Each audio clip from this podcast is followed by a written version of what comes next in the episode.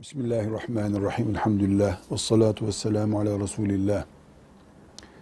Bid'at, dinde olmayan bir şeyi yapmak demektir. Ama ibadet ortamında. Bir iş Resulullah sallallahu aleyhi ve sellem ve ashabı tarafından yapılmadığı halde, ibadet türünden, Günün birinde Müslümanlar böyle bir şeyi ibadet diye yapmaya başlarlarsa bu bid'at olarak adlandırılır. Bid'at bir iş olarak da yansıyabilir, düşünce olarak da yansıyabilir. Yani işte namazdan sonra mesela her namazdan sonra selam verip kalkarken bir kere daha secde edip kalkmak gibi bir şey yapıldığını düşünelim.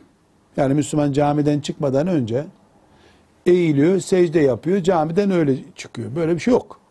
Ama bid'atı örnek vermek istiyorum. Peygamber aleyhissalatü vesselam Efendimiz namaz kılıp selam verip camiden çıkmıştır. Selamdan sonra camiden çıkarken bir veda secdesi gibi secde yapmamıştır. Birisi böyle bir şey yapsa bu yaptığına bid'at denir. Veya işte melekler gözleri var, kulakları var, burnu var gibi bir şey yoktur. Böyle bir bilgi yoktur. Birisi çıkıp melekler hakkında böyle bir düşünce sahibi olsa bu düşünce tarzında bidattır. Allah'tan ve peygamberinden bize intikal etmemiş bir şeyi düşünmek ve bunu bir itikat konusu yapmak bir bidattır.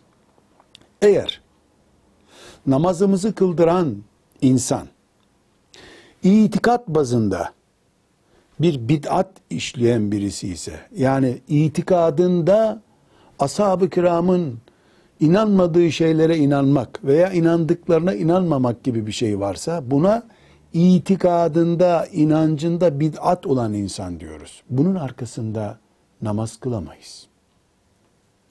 Bu bir iman sorunudur. Ama aynı şahs imanı ile ilgili, itikadı ile ilgili değil de ameliyle ilgili bir bidat yapıyorsa her ne kadar o bidat da onun adına bir günah ise de bu dinden çıkması, imanının tehlikeye girmesi gibi bir sonuç doğurmadığı için onun arkasında namaz kılmakta sakınca yoktur deriz. Daha iyisini bulmazsak onun arkasında namaz kılarız.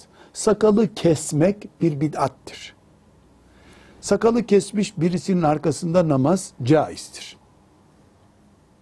Ama şu kadar hadise rağmen sakal yoktur, sakal gereksizdir dese bir insan, bu itikat sorunu olur.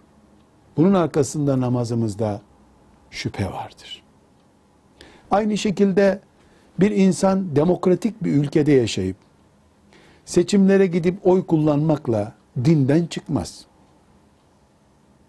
olsa olsa hata işlemiştir denebilir. Eğer o şekilde bakılacaksa.